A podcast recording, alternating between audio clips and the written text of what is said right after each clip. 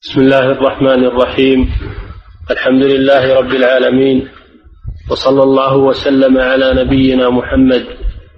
أما بعد قال المصنف رحمه الله تعالى باب النفقات. بسم الله الرحمن الرحيم. الحمد لله رب العالمين. صلى الله وسلم على نبينا محمد. قال رحمه الله باب النفقات. النفقات جمع نفقة. مأخوذة من النفق نفق الشيء إذا خرج. نفق الشيء إذا خرج. وأنفق إذا أخرج الشيء. ومنه النفاق لأنه خروج من الدين. وأيضا يقال نفقت الدابة إذا خرجت روحها إذا ماتت. قال نفقت بمعنى خرجت روحها. فالإنفاق في اللغة الإخراج إخراج الشيء. وأما النفقة شرعا فهي كفاية من يمونه كفاية من يمونه أو إخراج نفقة من يمونه قوتا وسكنا وكسوة سميت نفقة لأنها إخراج من المال لأنها إخراج من المال ففيها المعنى اللغوي. وجمع النفقات هنا قال باب كتاب النفقات لأن النفقات أنواع. نفقة الزوجة نفقة الأقارب نفقة المماليك وكلها نفقات تجب على الإنسان فلذلك سميت بالنفقات. سيأتي تفصيلها من خلال حديث الباب إن شاء الله تعالى. نعم. عن عائشة رضي الله عنها قالت دخلت هند بنت عتبة امرأة أبي سفيان على رسول الله صلى الله عليه وسلم فقالت يا رسول الله إن أبا سفيان رجل شحيح لا يعطيني من النفقة ما يكفيني ويكفي بني إلا ما أخذت من ماله بغير علمه فهل علي في ذلك من جناح؟ فقال خذي من ماله بالمعروف ما يكفيك وما يكفي بنيك متفق عليه. هذا حديث عائشة رضي الله عنها أن هندا بنت عتبة ابن أبي شيبة القرشية زوجة أبي سفيان بن حرب وأم معاوية وإخوانه. دخلت على النبي صلى الله عليه وسلم فقالت يا رسول الله إن أبا سفيان تعني زوجها سفيان بن حرب. رجل شحيح. الشح هو البخل مع الحرص. الشح بخل مع حرص. أما البخل بدون حرص فلا يسمى شحا. والشح أعم من البخل لأن الشح قد يكون بالمال قد يكون بالجاه أو غير ذلك من الأمور. التي يشرع بذلها للمحتاجين أو يشمل الشح بالأموال والشح بغيرها. خلاف البخل إنه لا يكون إلا بالمال. فهي وصفت زوجها أبا سفيان بأنه شحيح يعني بخيل شديد البخل. لا يعطيها ما يكفيها وبنيها بالمعروف يعني حمله البخل على أنه ما ينفق عليها ولا على أولادها. لا يعطيها ما يكفيها وبنيها. فقال صلى الله عليه وسلم خذي ما يكفيك ويكفي بنيك بالمعروف. هذا حديث عظيم. يفيد أحكاما كثيرة. الأول أولا يؤخذ من الحديث أنه لا بأس بالغيبة عند الحاكم من أجل الوصول إلى الحق. الغيبة محرمة. ووصفها لأبي سفيان رضي الله عنه وهو غائب بالشح. هذا هذا غيبة.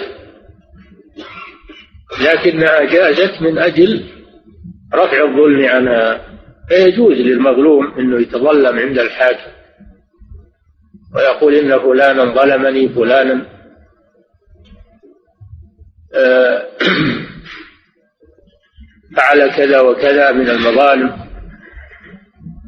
فلان مماطل أو كذاب أو غير ذلك. فيجوز تجوز الغيبة في مثل هذا لأن لأن هذا للضرورة فهو غيبة جائزة للضرورة لأنها لا تتوصل إلى حقها إلا بذلك. وليس القصد منها التفكر بعرض الغائب وإنما قصدها طلب حقها. وكل من ظلم فإنه لا بأس أنه يذكر عند الحاكم اعتداء الغائب عليه أو يصفه بصفات يكرهها من أجل الوصول إلى الحق. المسألة الثانية وهي التي ساق المصنف الحديث من أجلها وجوب نفقة الزوجة والأولاد. لأن قولها لا يعطيني ما يكفيني وولدي هذا دليل على وجوب نفقة الزوجة ونفقة الأولاد. وهذا مجمع عليه بين أهل العلم. دل عليه الكتاب والسنة والإجماع. الزوجة تجب نفقتها في القرآن. تجب نفقتها كما في القرآن. في عدة آيات وجوب الأمر بالإنفاق على على الزوجات. والسنة مثل هذا الحديث والإجماع أهل العلم على ذلك ولأن الزوجة محبوسة. محبوسة على زوجها فهو يجب عليه أن ينفق عليها وفي مقابل الاستمتاع. في مقابل الاستمتاع بها محبوسة وفي مقابل الاستمتاع فيجب عليه أن ينفق عليها. ولو كانت ذات مال ولو كانت غنية فإنه يجب على زوجها أن ينفق عليها. في مقابل انحباسها عنده ومقابل استمتاعه بها تجب نفقتها عليه. وفي ونفقة الأولاد كما في قوله وعلى المولود له رزقهن وكسوتهن بالمعروف. على المولود له. دل على وجوب نفقة الولد على والده. المسألة الثالثة الحديث دليل على أن من كان له حق عند شخص مماطل أو ممتنع من بذله وظفر بماله أنه يأخذ حقه. وهذه ما يسميها العلماء بمسألة الظفر. مسألة الظفر إذا كان لشخص حق عند شخص مماطل أو متمرد وعجز عن أخذ حقه منه ووجد له مالا فله أن يأخذ قدر حقه. قوله صلى الله عليه وسلم خذي ما يكفيك وولدك بالمعروف. بدون رضا أبي سفيان أو حضور أبي سفيان لأن هذا حق ثابت عليه.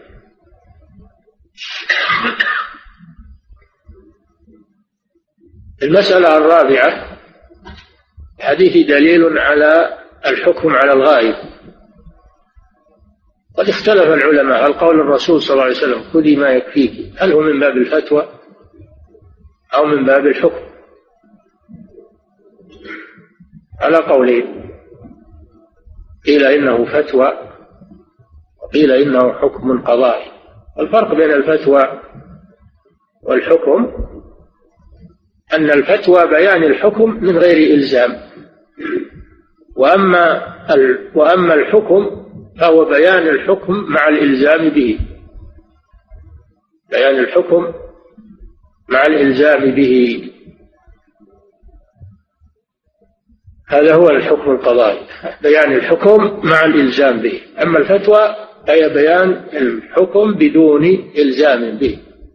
فهل قول الرسول صلى الله عليه وسلم خذي ما يكفيك من باب الفتوى أو من باب الحكم. الظاهر إنه من باب الفتوى لأنه لو كان من باب الحكم لطلب منها البينة وطلب حضور أبي سفيان لأنه هو الطرف الثاني في الدعوة. كان يطلب حضور أبي سفيان ويطلب منها البينة ويجري الإجراءات القضائية. ولا سيما وابو سفيان حاضر في البلد أو بغايب الذي يترجح والله أعلم أن هذا من باب الفتوى. المسألة الخامسة الحديث دليل على أنه لا تقدير للنفقة بحد معين وإنما يرجع في هذا إلى العرف. يرجع في هذا إلى العرف المتعارف عند الناس وهذا يختلف باختلاف الأحوال واختلاف البلدان واختلاف. الله جل وعلا يقول بالمعروف.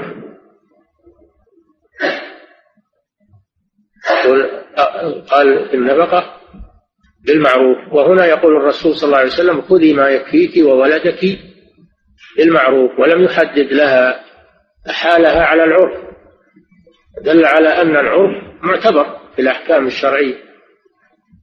نعم. وعن طارق المحاربي رضي الله عنه قال قدمنا المدينة فإذا رسول الله صلى الله عليه وسلم قائم على المنبر يخطب الناس ويقول يد المعطي العليا وابدأ بمن تعول أمك وأباك وأختك وأخاك ثم أدناك فأدناك رواه النسائي وصحح ابن حبان والدار قطني. قوله صلى الله عليه وسلم آه اليد العليا. هذا فيه بيان للحديث الآتي في قوله صلى الله عليه وسلم اليد العليا خير من اليد السفلى. فما هي اليد العليا؟ وما هي اليد السفلى؟ اليد العليا هي الدافعة والمنفقة. واليد السفلى هي الآخذة والسائلة. دل على فضل الإنفاق. دل هذا على فضل الإنفاق. وأنه يد عليا سواء كان الإنفاق واجبا أو مستحبا فإن فيه فضلا عظيما. ثم بين صلى الله عليه وسلم والحديث أيضا فيه ما سبق فيه فيه بيان نفقة آه، الوالدين ونفقة الأقارب الأدنى فالأدنى ففيه وجوب النفقة أعد الحديث. وعن طارق المحاربي رضي الله عنه قال قدمنا المدينة فإذا رسول الله صلى الله عليه وسلم اليد العليا خير من يد السفلى وأنها يد المعطي لا يد الآخذ. يعني بعض الناس يدعي العكس يدعي أن اليد العليا هي يد السائل ويد الآخذ. الرسول صلى الله عليه وسلم بينها أنها يد المعطي وليست يد الآخذ. نعم. وابدأ بمن تعول. وابدأ بمن تعول أي بمن تجب نفقته عليك. يعني يبدأ الإنسان بالنفقة الواجبة أولا ثم بعد ذلك النفقة المستحبة. فلا يليق بالإنسان أنه ينفق النفقة المستحبة ويترك النفقة الواجبة عليه يبدأ بالواجب قبل المستحب وهذا قاعدة في كل في كل الطاعات في كل الطاعات أنه يقدم الفرض على السنة. نعم. أمك وأباك. ومعنى من تعول يعني من تنفق عليه.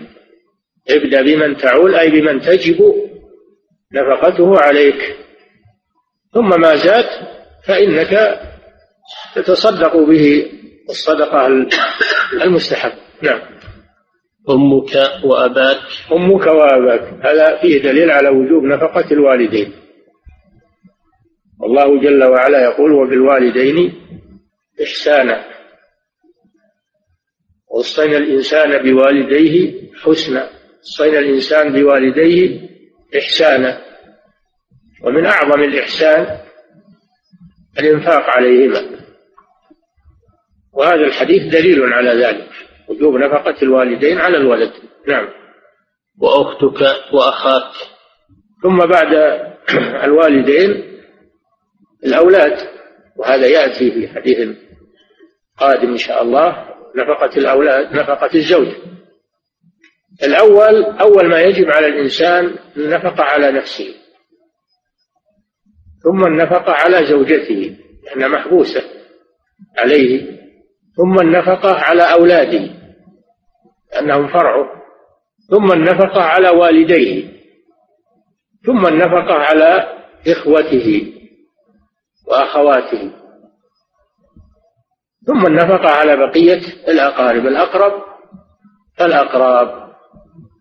نعم أبناء الإخوة الأعمام وأبناء الأعمام إلى آخره. نعم. ثم أدناك فأدناك. يعني الأقرب فالأقرب إليك. ولا شك أن أقرب الناس إليك الوالدان. ثم الأولاد. بل الأولاد مقدمون على الوالدين. وأولا النفس ثم الزوجة ثم الولد ثم الوالد ثم بقية الأقارب على الترتيب. نعم. وعن أبي هريرة رضي الله عنه قال قال رسول الله صلى الله عليه وسلم للمملوك طعامه وكسوته ولا يكلف من العمل إلا ما يطيق. رواه مسلم. هذه نفقة المماليك. والمملوك هو العبد الرقيق المملوك بالرق. فيجب على سيده أن ينفق عليه لأنه محبوس عليه ونفعه له. فيجب على سيده أن ينفق عليه بالمعروف ينفق عليه ما يكفيه بالمعروف. نعم. نعم. وعن, أبي هريرة رضي الله عنه قال قال رسول الله صلى الله عليه وسلم للمملوك طعامه وكسوته. للمملوك طعامه. وهو ما يغذيه من الجوع وكسوته وكذلك مسكنه. كل هذا مما يجب له. وإذا احتاج إلى الزواج وخيف عليه من فإنه يزوجه. وأنكحوا الأيام منكم والصالحين من عبادكم وإمائكم يعفه أيضا. نعم. ولا يكلف من العمل إلا ما يطيق. كذلك لا يجوز لسيده أن يشق عليه. بل لا يكلفه إلا ما يطيق. لأن دين الإسلام دين اليسر دين الرحمة. فلا يجوز أن يتعسف السيد ويكلف مملوكه ما يشق عليه مشقة شديدة. أن هذا من الظلم؟ بل يكلفه ما يطيقه على حسب استطاعته. ولا شك أن المملوك يختلف قوة وضعفا فلا يكلفه إلا ما يطيق بحسب حاله. نعم. وعن حكيم بن معاوية القشيري عن أبيه قال قلت يا رسول الله ما حق زوجة أحدنا عليه؟ قال أن تطعمها إذا طعمت وتكسوها إذا اكتسيت. الحديث وتقدم في عشرة النساء. حكيم بن معاوية بن حيدة القشيري رضي الله عنه. معاوية بن حيدة صحابي وحكيم ابنه تابعي. روى عن أبيه هذا الحديث أن النبي صلى الله عليه وسلم بين فيه وجوب نفقة وجوب نفقة الزوجة وأن يطعمها مما يطعم ويكسوها مثل ما يلبس. وهذا يدل على أن الزوج لا يكلف شيئا لا يطيقه وإنما نفقة زوجته عليه بحسب حاله هو. ولذلك قال الله جل وعلا بالمعروف لأن أحوال الناس تختلف. نعم. أعيد الحديث. وعن حكيم بن معاوية القشيري عن أبيه قال قلت يا رسول الله ما حق زوجة أحدنا عليه؟ قال أن تطعمها إذا طعمت وتكسوها إذا اكتسيت. نعم. فدل على وجوب آه، النفقة يعني وجوب إطعام الزوجة ووجوب كسوتها عليه بما يناسب بما يناسب حسب العرف الجاري في البلد. وكذلك المسكن أسكنوهن من حيث سكنتم من وجدكم. تجب لها السكنى أيضا. نعم. وعن جابر رضي الله تعالى عنه عن النبي صلى الله عليه وسلم في حديث الحج بطوله قال في ذكر النساء ولهن عليكم رزقهن وكسوتهن بالمعروف أخرجه مسلم. هذا الحديث في سياق خطبته صلى الله عليه وسلم في حجة الوداع وأنه ذكر النساء. وقال من حقهن عليكم كسوتهن ورزقهن بالمعروف. ذكر النساء وأوصى بهن خيرا. وبين أنه تجب نفقتها على زوجها من طعام وكسوة ولهن عليكم عليكم رزقهن. رزقهن يعني النفقة وكسوتهن بالمعروف. دل على مسألتين. الأول وجوب نفقة الزوجة وكسوتها والمسألة الثانية أن ذلك بالمعروف. وليس له حد محدد لا يتغير وإنما هو يختلف باختلاف الأحوال إلى الأزمان. فيكون بالمعروف المتعارف عليه عند المجتمع. وهذا من مرونة الإسلام وصلاحيته لكل زمان ومكان. هذه مرونة في الإسلام صلاحية لكل زمان ومكان جعل رزق المرأة ونفقتها وكسوتها بالمعروف ولم يحدد لها حدا لا يتغير في كل زمان وعلى كل أحد. نعم. وعن عبد الله بن عمر رضي الله تعالى عنهما قال قال رسول الله صلى الله عليه وسلم كفى بالمرء إثما أن يضيع من يقوت رواه النسائي وهو عند مسلم بلفظ أن يحبس عمن يملك قوته ورواية مسلم تفسر أصل الحديث أن يضيع. معنى يضيع معناه يحبس عنه عنه قوته. هذا هو التضييع. دل الحديث على وجوب النفقة للزوجة والأقارب والمماليك. هؤلاء تجب نفقتهم. من من يقوت يعني يشمل هؤلاء يشمل الزوجة والأولاد والوالدين والأقارب ويشمل أيضا المماليك وحتى البهائم أيضا حتى البهائم التي تملكها يجب عليك الإنفاق عليها. فإذا حبست عنها علفها وشرابها فقد ضيعتها. وهذا إثم كفى به إثم يعني هذا أشد الإثم لأنه ظلم.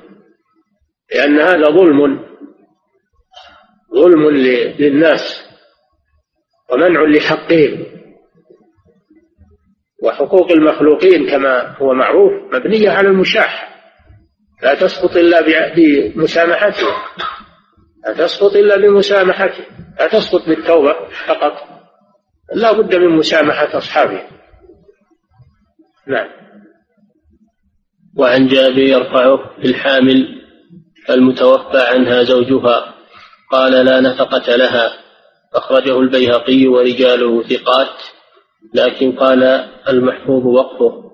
وثبت نفي النفقة في حديث فاطمة بنت قيس رضي الله عنها كما تقدم رواه مسلم. حديث فاطمة بنت قيس رضي الله عنها هذا في المطلقة المبتوتة المطلقة الباين والذي معنا الآن في المتوفى عنها.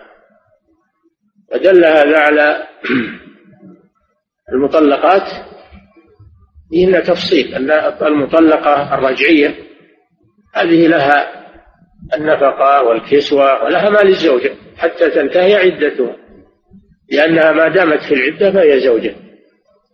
فإذا تمت العدة ولم يراجعها بانت منه فما دامت في العدة فلها ما للزوجات هذه الرجعية. الثانية المطلقة الباين التي ليس له عليها رجعة. هذه ليس لها نفقة. كما يدل له حديث فاطمة بنت قيس. إنها طلقت طلاقا بائنا وطالبت بالنفقة فقال لها النبي صلى الله عليه وسلم ليس لك عليه شيء. كما سبق في كتاب الطلاق. الثالثة المتوفى عنها أيضا ليس لها نفقة. المتوفى عنها المعتدة من وفاة ليس لها نفقة. لأن النكاح انتهى بالموت. ليس لها نفقة وإنما تنفق على نفسها من إرثها إن كان لها ميراث. نعم. وهذا ما يدل عليه هذا الحديث أن المتوفى عنها تنتهي نفقتها بالوفاة وتنفق على نفسها من ميراثها إن كان لها ميراث أو من مالها. نعم. أعد الحديث. وعن جابر يرفعه في الحامل المتوفى عنها زوجها. قال لا نفقة لها. يعني ولو وإذا كانت غير حامل فهو من باب أولى. إذا كانت الحامل ليس لها نفقة فغير الحامل من باب أولى. نعم. وثبت نفي النفقة في حديث فاطمة بنت قيس رضي الله عنها كما تقدم. يعني في الطلاق في كتاب الطلاق قال في المطلقة. يقاس عليها. لأنها بائن. نعم.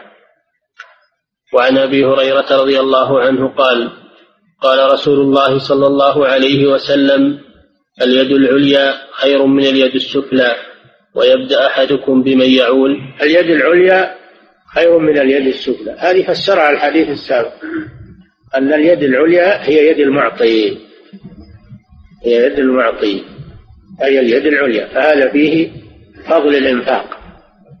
وأن المنفق يده عليا. فيه فضل الإنفاق سواء كان إنفاقا واجبا وهذا من باب أولى أو إنفاقا مستحبا. فإن المنفق يده عليا. نعم. ويبدأ أحدكم بمن يعول؟ ويبدأ أحدكم بمن يعول أي بمن تجب نفقته عليه من نفسه وزوجته وأولاده ووالديه وأقاربه. بالترتيب.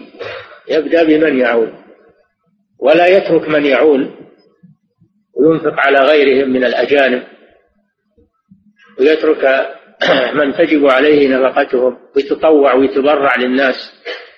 ولو كانوا محتاجين ولو كان الناس محتاجين فإنه لا يتبرع لهم إلا بما فضل بما فضل عن نفقة من تجب عليه نفقته. وإلا فإنه يكون آثما. كفى بالمرء إثما أن يضيع من يقوت. في رواية مسلم أن يحبس عنه نفقته. وكما عرفتم القاعدة أنه لا يتقرب إلى الله بالنوافل إلا بعد أداء الفرائض. الله جل وعلا يقول ما تقرب إلي عبدي بشيء أحب إلي مما افترضته عليه. ولا يزال عبدي يتقرب إلي بالنوافل حتى أحبه الحديث. فالفرض مقدم على الواجب. نعم. ويبدأ أحدكم بمن يعول. تقول المرأة أطعمني أو طلقني. رواه الدار قطني وإسناده حسن. هذا يدل على أنه إذا حبس النفقة عن الزوجة ولم تتوصل إلى حقها أن لها حق المطالبة بالطلاق. يدل على أن لها حق المطالبة بالطلاق دفعا للضرر عنها وهذا يأتي الحديث الذي بعده. وعن سعيد و... تقول أعطني أو طلق. دل على أن لها المطالبة بالطلاق إذا حبس عنها النفقة. في الحديث أيما امرأة سألت زوجها الطلاق من غير ما بأس حرام عليها رائحة الجنة. قوله من غير ما بأس. أما إذا كان هناك سبب في طلبها الطلاق كما ذكر الرسول صلى الله عليه وسلم في هذا الحديث فلها الحق في هذا ولا لوم عليها. قوله صلى الله عليه وسلم لا ضرر ولا ضرار. نعم. وعن سعيد بن المسيب في الرجل لا يجد ما عن سعيد. نعم. وعن سعيد بن المسيب المسيب المسيب. وعن سعيد بن المسيب هذا هو الصحيح أنه بالكسر. وهو رحمه الله لا يرضى أن يقال المسيب. نعم. وعن سعيد بن المسيب في الرجل, في الرجل لا يجد, لا يجد ما ينفق على أهله. قال يفرق بينهما. أخرجه سعيد بن منصور عن سفيان عن أبي الزناد عنه قال قلت لسعيد بن المسيب سنة فقال سنة وهذا مرسل قوي. نعم. قوله سنة إذا قال الصحابي من السنة كذا أو هذا سنة هذا يحمل على سنة الرسول صلى الله عليه وسلم. ولكن سعيد بن المسيب هذا تابعي من كبار التابعين رضي الله عنه. وروايته عن الرسول صلى الله عليه وسلم تكون مرسلة. ولهذا هذا الحديث مرسل. لكنه من مراسيل سعيد بن المسيب ومراسيل سعيد بن المسيب عند العلماء أجود المراسيل لأنه لا يرسل إلا عن ثقة. هذا المرسل قوي لأنه من مراسيل سعيد مراسيل سعيد لها ميزة ورواه سعيد بن منصور في سننه. سنن سعيد بن منصور معروفة ومطبوعة الآن والحمد لله. تجمع بين الأحاديث و... و... والأحكام والفتاوى فتاوى العلماء. نعم. وعن عمر رضي الله تعالى عنه أنه كتب إلى أمراء الأجناد في رجال غابوا عن الحديث حديث سعيد بن المسيب. نعم.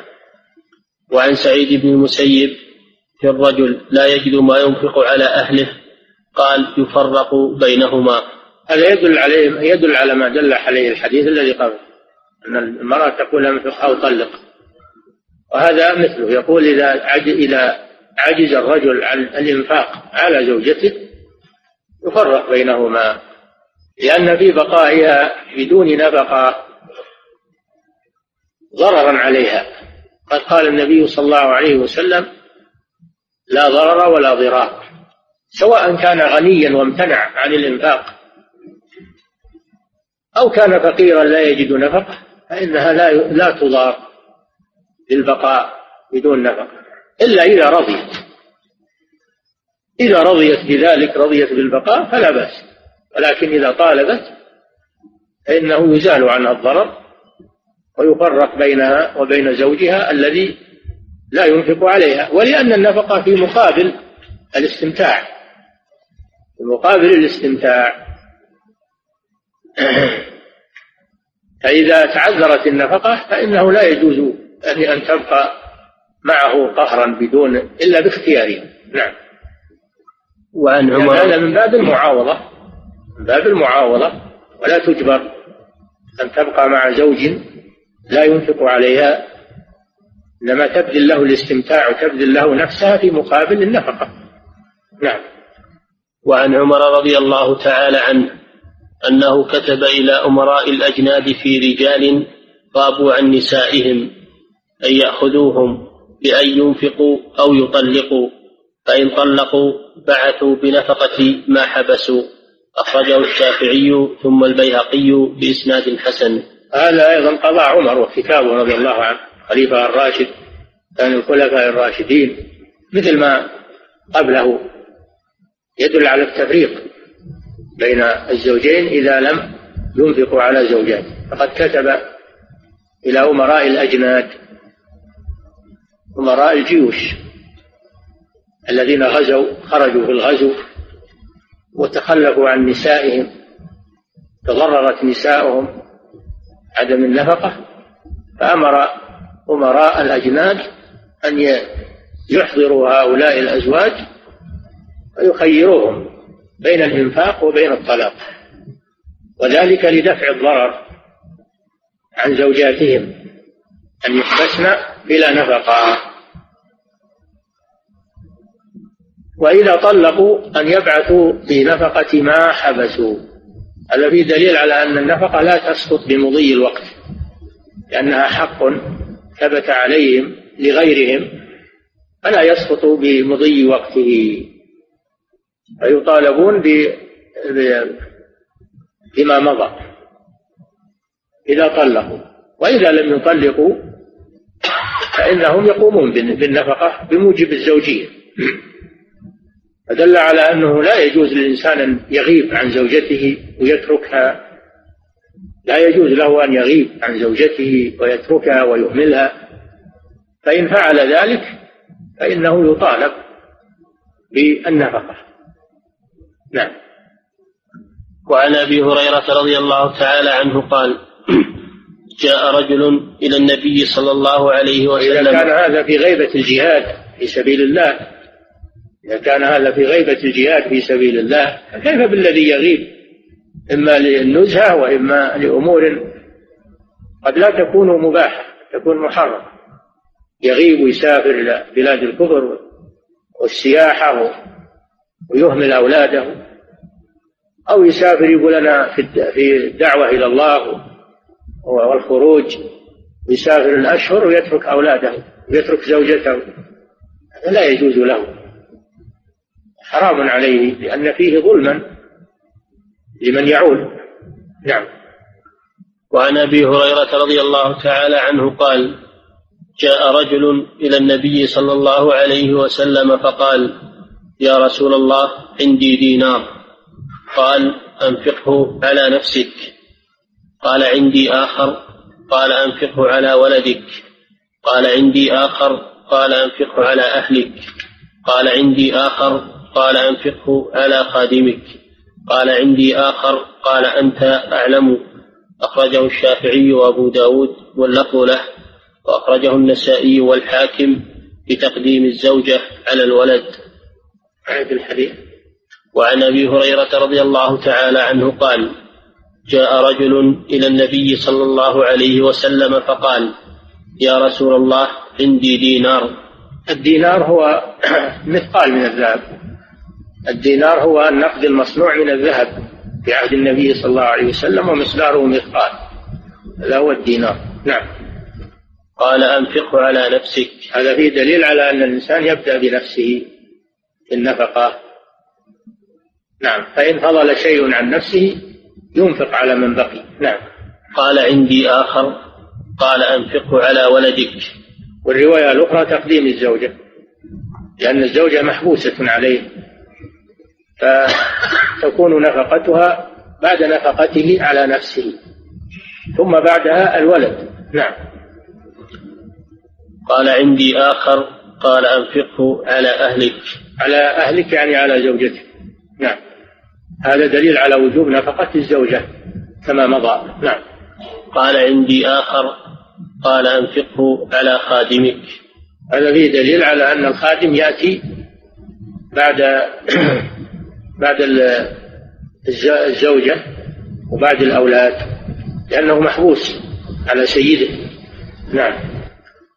قال عندي آخر قال أنت أعلم ما زاد عن هؤلاء فإنه يضع فيما يرى فيما يرى فيه الخير أو يتصرف فيه لأنه أصبح فاضلا. هذا فاضل عن كفايته وكفاية من يمونه.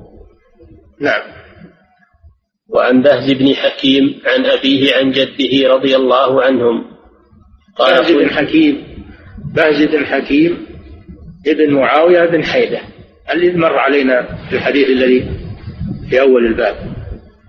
مر علينا عن حكيم عن أبيه.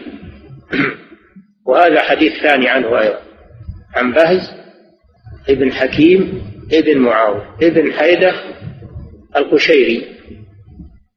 فحكيم تابعي وبهز من أتباع التابعين ابنه من أتباع التابعين. وأما معاوية بن حيدة فهو صحابي. نعم. وعن بهز بن حكيم عن عن أبيه عن جده رضي الله عنهم. قال قلت يا رسول الله من أبر قال أمك. قلت ثم من؟ قال أمك. قلت ثم من؟ قال أمك. قلت ثم من؟ قال أباك. ثم الأقرب فالأقرب. أعد الحديث. وعن بهز بن حكيم عن أبيه عن جده رضي الله عنهم. قال قلت يا رسول الله من أبر؟ من أبر. من أبر؟ نعم. قال أمك. أمك. قال أمك. نعم. قلت ثم من؟ قال أمك. نعم. قلت ثم من؟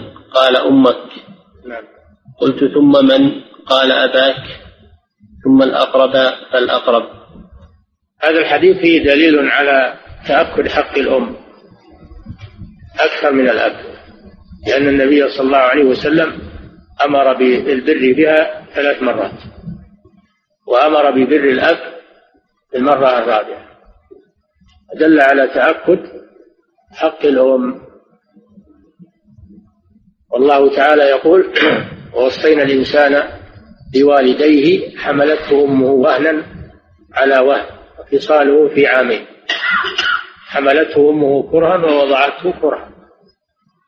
هذا تنبيه من الله على تأكد حق الأم لما تلاقيه من الحمل والولادة والرضاعة فحقها آكد من حق الأب.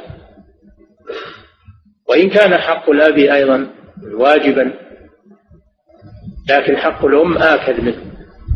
فيقدمها في النفقة ويقدمها بالبر. نعم. باب الحضانة. يكفي هذا. فضيلة الشيخ ذكرتم أن النفقة تختلف باختلاف الزمان والمكان. فهل على الزوج إذا كان غنيا؟ هل؟ على الزوج إذا كان غنيا أن يعطي زوجته نفقة الأغنياء. وهل إذا شح بماله أن تأخذ منه نفقة الأغنياء بدون إذنه؟ هذا بحسب أحوال الزوجين. الزوجان قد يكون غنيين فيجب عليه أن ينفق نفقة الأغنياء على الغنية. وقد يكون فقيرين فيجب عليه نفقة الفقراء على الفقيرات. وقد يكون متوسطين بين الغنى والفقر فينفق عليها نفقة المتوسط. فهذا يختلف باختلاف الغنى والفقر والتوسط. ولذلك قال الله بالمعروف أحال على العرف لأن أحوال الناس تختلف. نعم. فضيلة الشيخ هل يصح ترك عقد النكاح ألا تكون لها نفقة كما في نكاح المسيار؟ وما حكم هذا النكاح إذا رضيت بإسقاط نفقتها؟ نكاح المسيار الظاهر أنه مات. ما له ذكر الآن ولا. شائعة شاعت وانتهت لأنه ما نجح ولا هو بناجح. لحم السيار ما هو بناجح. إنما هو قيشان حصل وانتهى. والحمد لله. ما دام إنه انتهى فنحن لا نبحث فيه لأنه ما هو بناجح. زواج فاشل بلا شك. لأنه ليس فيه حقوق الزوجيه إنما فيه شيء واحد وهو قضاء الشهوة فقط.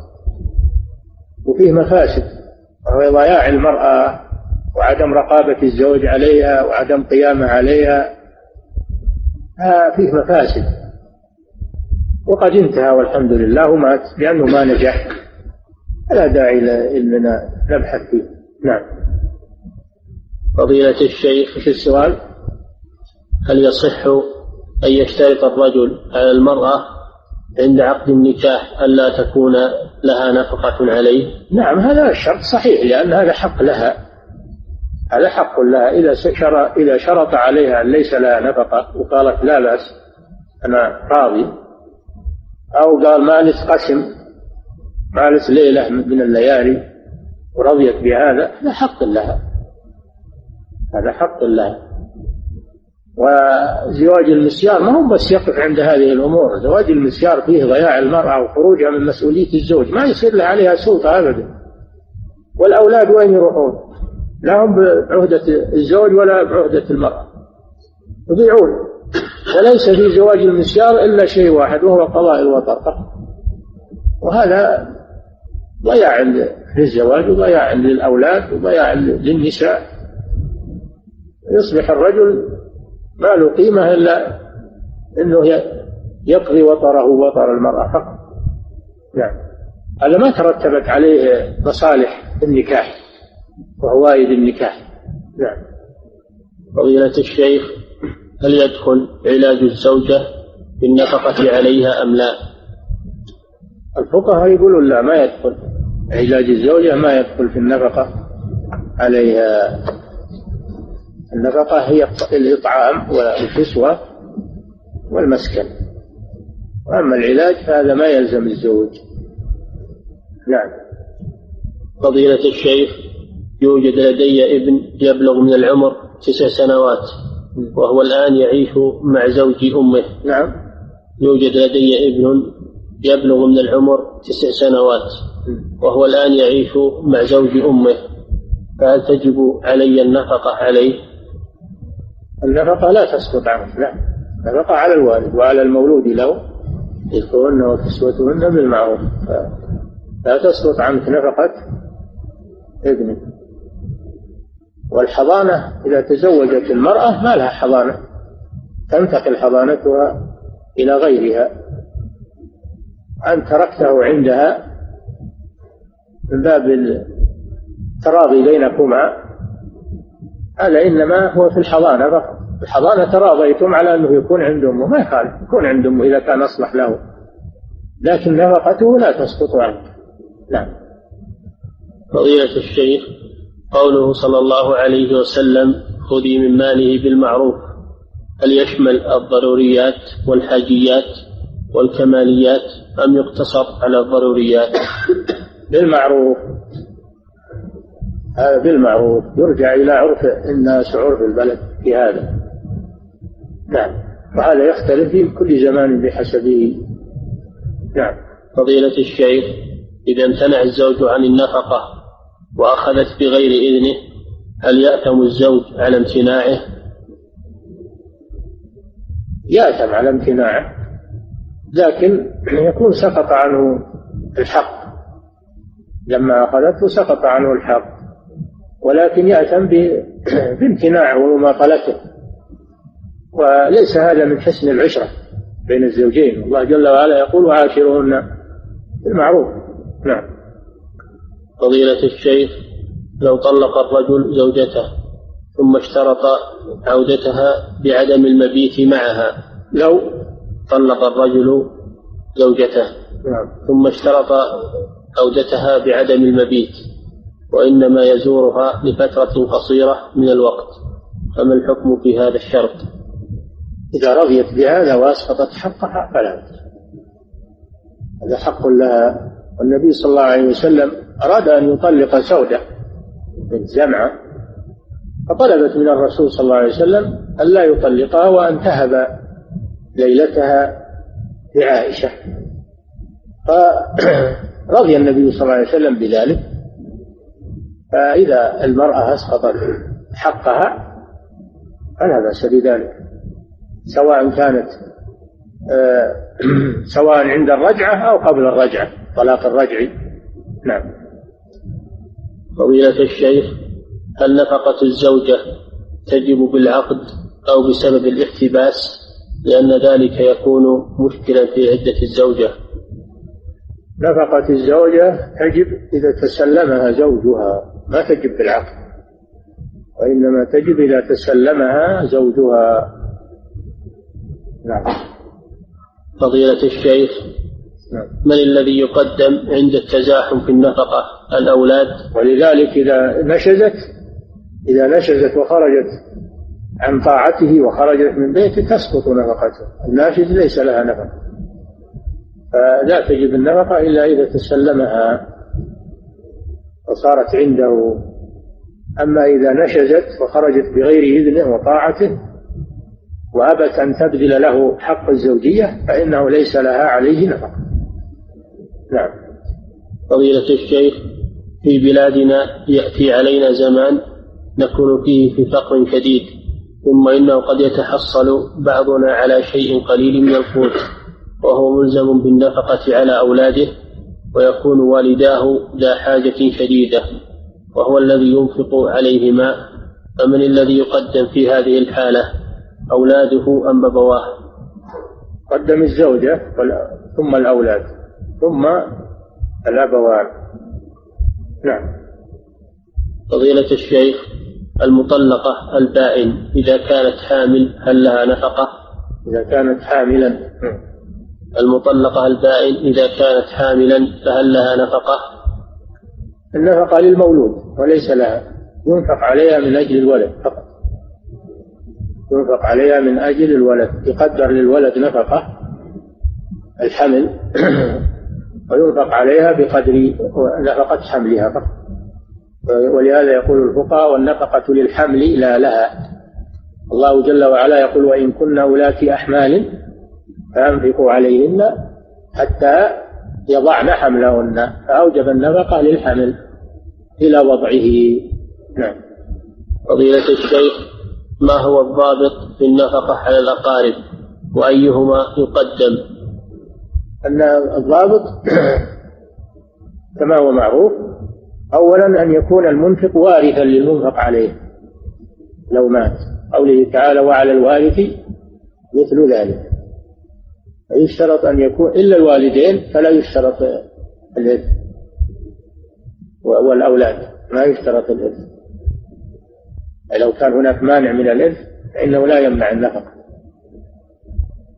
وأما بقية الأقارب فلا فيشترط أن يكون المنفق وارثا للمنفق عليه. يعني ليس هناك من يحجبه عنه. بقوله تعالى وعلى الوارث مثل ذلك. والشرط الثاني أن يكون القريب عاجزا عن الكسب أن يكون القريب عاجزا عن النفقة وعن الكسب. أما إن كان قادرا على الكسب فإنه لا يجوز فإنه لا يلزم الإنفاق عليه لا يلزم الإنفاق عليه إذا كان قادرا على الكسب. بهذين الشرطين أولا يكون المنفق وارثا للمنفق عليه بغير عمودي النسب. الشرط الثاني أن يكون القريب عاجزا عن الكسب وليس له نفقة لا يقدر ينفق على نفسه. نعم. فضيلة الشيخ إذا كان الرجل يستطيع النفقة على زوجته وأولاده في المأكل والمشرب والسكن دون الكسوة أحيانا إذا كان الرجل يستطيع النفقة على زوجته وأولاده في المأكل والمشرب والسكن دون الكسوة لكن أحيانا فهل للمرأة طلب الطلاق؟ الكسوة تكون بحسب الحال. أو لازم يشري له كسوة من من الكسوة الرفيعة أو الغالية. يشري لها كسوة بحسب ما يدفئها في الشتاء يستر عورتها في الصيف والشتاء. ولا يلزم أن يكون من القماش الراقي. بل يكون بحسب الحال. ولا تحتاج إلى طلب الفراق. إن كان يعني توصل الحال إلى هذا صار ما عنده ما يستطيع الكسوة ما يستطيع الكسوة ولا الكسوة أقل أقل الكفاية لها طلب لها طلب الفراق. لأن هذا من النفقة فإذا أعسر بالنفقة كلها أعسر بالنفقة كلها أو أعسر ببعضها فلها طلب الفراق. لأن يعني في هذا ضرر عليها نعم. فضيلة الشيخ هل يقدم الخادم على الوالدين في النفقة؟ نعم. نعم. هل يقدم الخادم على الوالدين في النفقة؟ هو هو الظاهر نعم. لأن الخادم محبوس على على سيده. مثل الزوجة محبوس على سيده ويقدم على الوالدين. نعم. فضيلة الشيخ لو أن الزوجة أسقطت حقها من النفقة أثناء العقد. لو لو أن الزوجة أسقطت حقها من النفقة أثناء العقد ثم أرادت بعد ذلك النفقة فهل لها الحق في ذلك؟ إذا أسقطت نفقتها عند العقد فليس لها المطالبة بعد ذلك لأنها أسقطته عند العقد. تراضي على ذلك فليس لها المطالبة بالنفقة بعد ذلك. نعم. فضيلة الشيخ أليس القول الراجح في اعتبار حالة حالة في اعتبار الحالة في النفقة من حال اليسر والعسر يكون بحالهما جميعا جمعا للأدلة وهي خذي ما يكفيك وولدك وقوله لا يكلف الله نفسا إلا وسعها.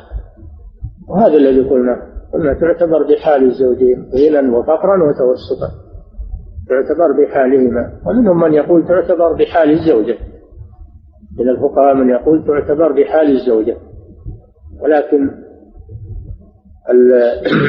الأقرب والله أعلم أنها تعتبر بحال الزوجين يسارا وإعسارا وتوسطا. نعم.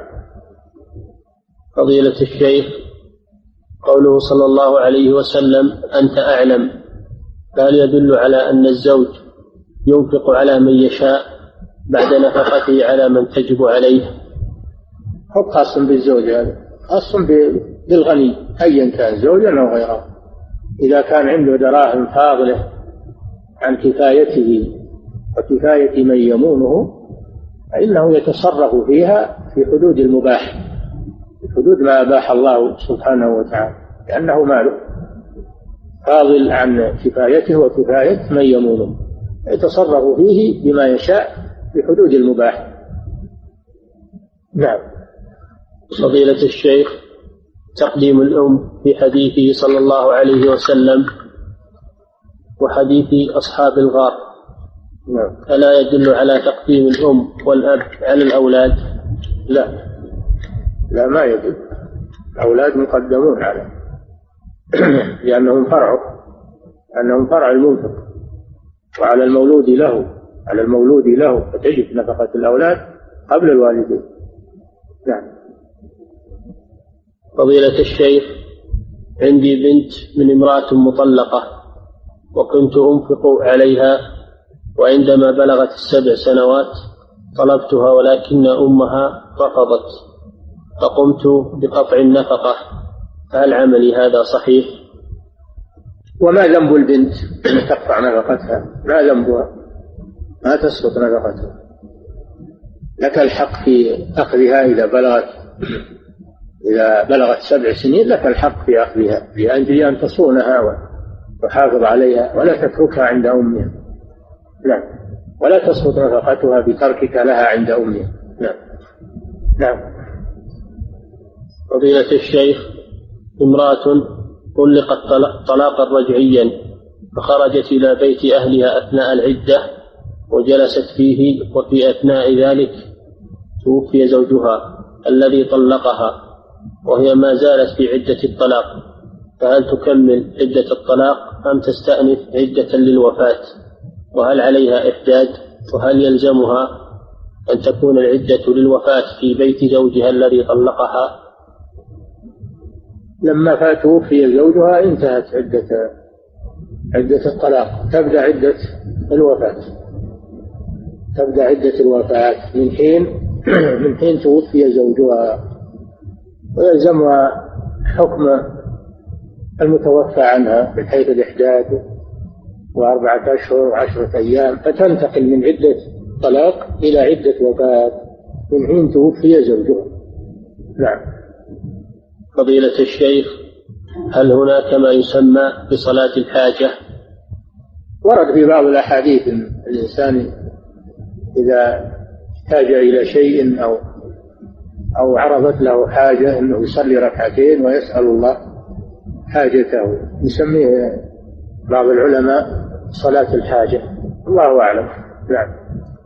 فضيلة الشيخ. ما هو يعني مشهور عند أهل العلم أو معروف عند أهل العلم صلاة أهل الحاجة أو صلاة الحاجة؟ نعم. المعروف صلاة الاستخارة. هذا المعروف. نعم.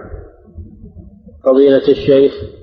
إذا صلت المرأة عن يمين الإمام وهو محرم لها فما حكم صلاتهما؟ لا سيما وأنهما يجهلان ذلك. لا يقف المأموم عن نعم موقف المأموم عن يمين الإمام إذا كان واحدا.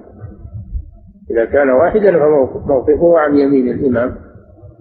والمرأة موقفها خلف الرجال كما جاءت به الأحاديث إلا إذا كانت محرما. يجوز أن تقف عن يمين محرمها لا لا بأس بذلك. أما غير المحرم المرأة غير المحرم فلا يجوز أن تقف في صف الرجال ولا في صف الإمام لا في صف الإمام ولا في صف الرجال وإنما تكون خلف خلف الرجل خلف الصف. إذا لم يكن محرما لا. نعم. فضيلة الشيخ قوله صلى الله عليه وسلم ما بين منبري وبيتي روضة من رياض الجنة فهل من السنة لمن زار المسجد النبوي أن يجلس في الروضة أو يصلي فيها ركعتين؟ السنة أن يصلي فيها ركعتين نعم. السنة أنه يصلي فيها ركعتين أو ما تيسر له. أما الجلوس فيها فلا فلا أعلم يعني في فضل وتخصيص إنما الصلاة نعم لها, لها خاصية في الروضة. يصلي فيها ما تيسر له من الصلوات. نعم. فضيلة الشيخ هل يشرع إخبار من يعطى الزكاة بأنها زكاة؟ ربما إنه إذا جلس في الروضة وجلس فلان وفلان ضيقوا على الناس اللي بيصلون اللي جايين بيصلون. كونه يجلس في ناحية المسجد ويترك الروضة لمن يريد الصلاة هذا أحسن له نعم. فضيلة الشيخ هل يشرع إخبار من يعطى الزكاة بأنها زكاة؟ هذا فيه تفصيل. إن كان من عادته أنه يأخذ الزكاة فلا فلا تخبره. أما إذا كان ما هو من عادته يأخذ الزكاة فإنك تخبره لأنها زكاة. نعم. فضيلة الشيخ رجل به نجاسة ولما حضرت الصلاة نسيها وصلى فلما كان في التشهد الأخير ذكر أن عليه نجاسة ولكنه أتم الصلاة ثم ذهب وغسلها وأعاد صلاته فما الحكم؟ إذا كان عليه نجاسة وذكرها في أثناء الصلاة فإن استطاع التخلص منها كأن تكون في ثوب يستطيع أن يخلعه ويتم صلاته في ثوب آخر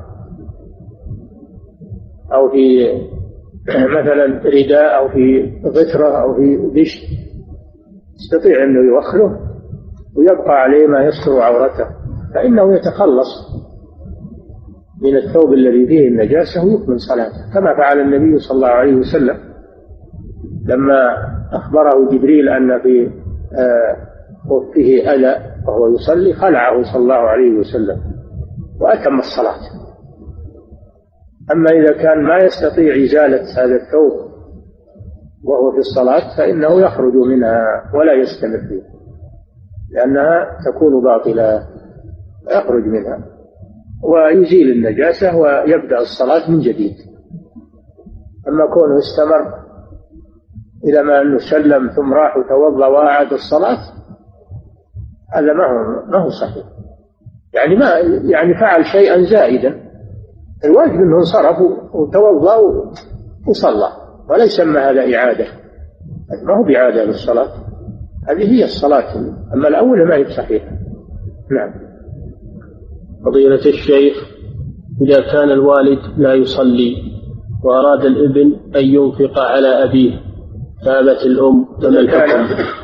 إذا كان الوالد لا يصلي وأراد الإبن أن ينفق على أبيه فأبت الأم فما الحكم؟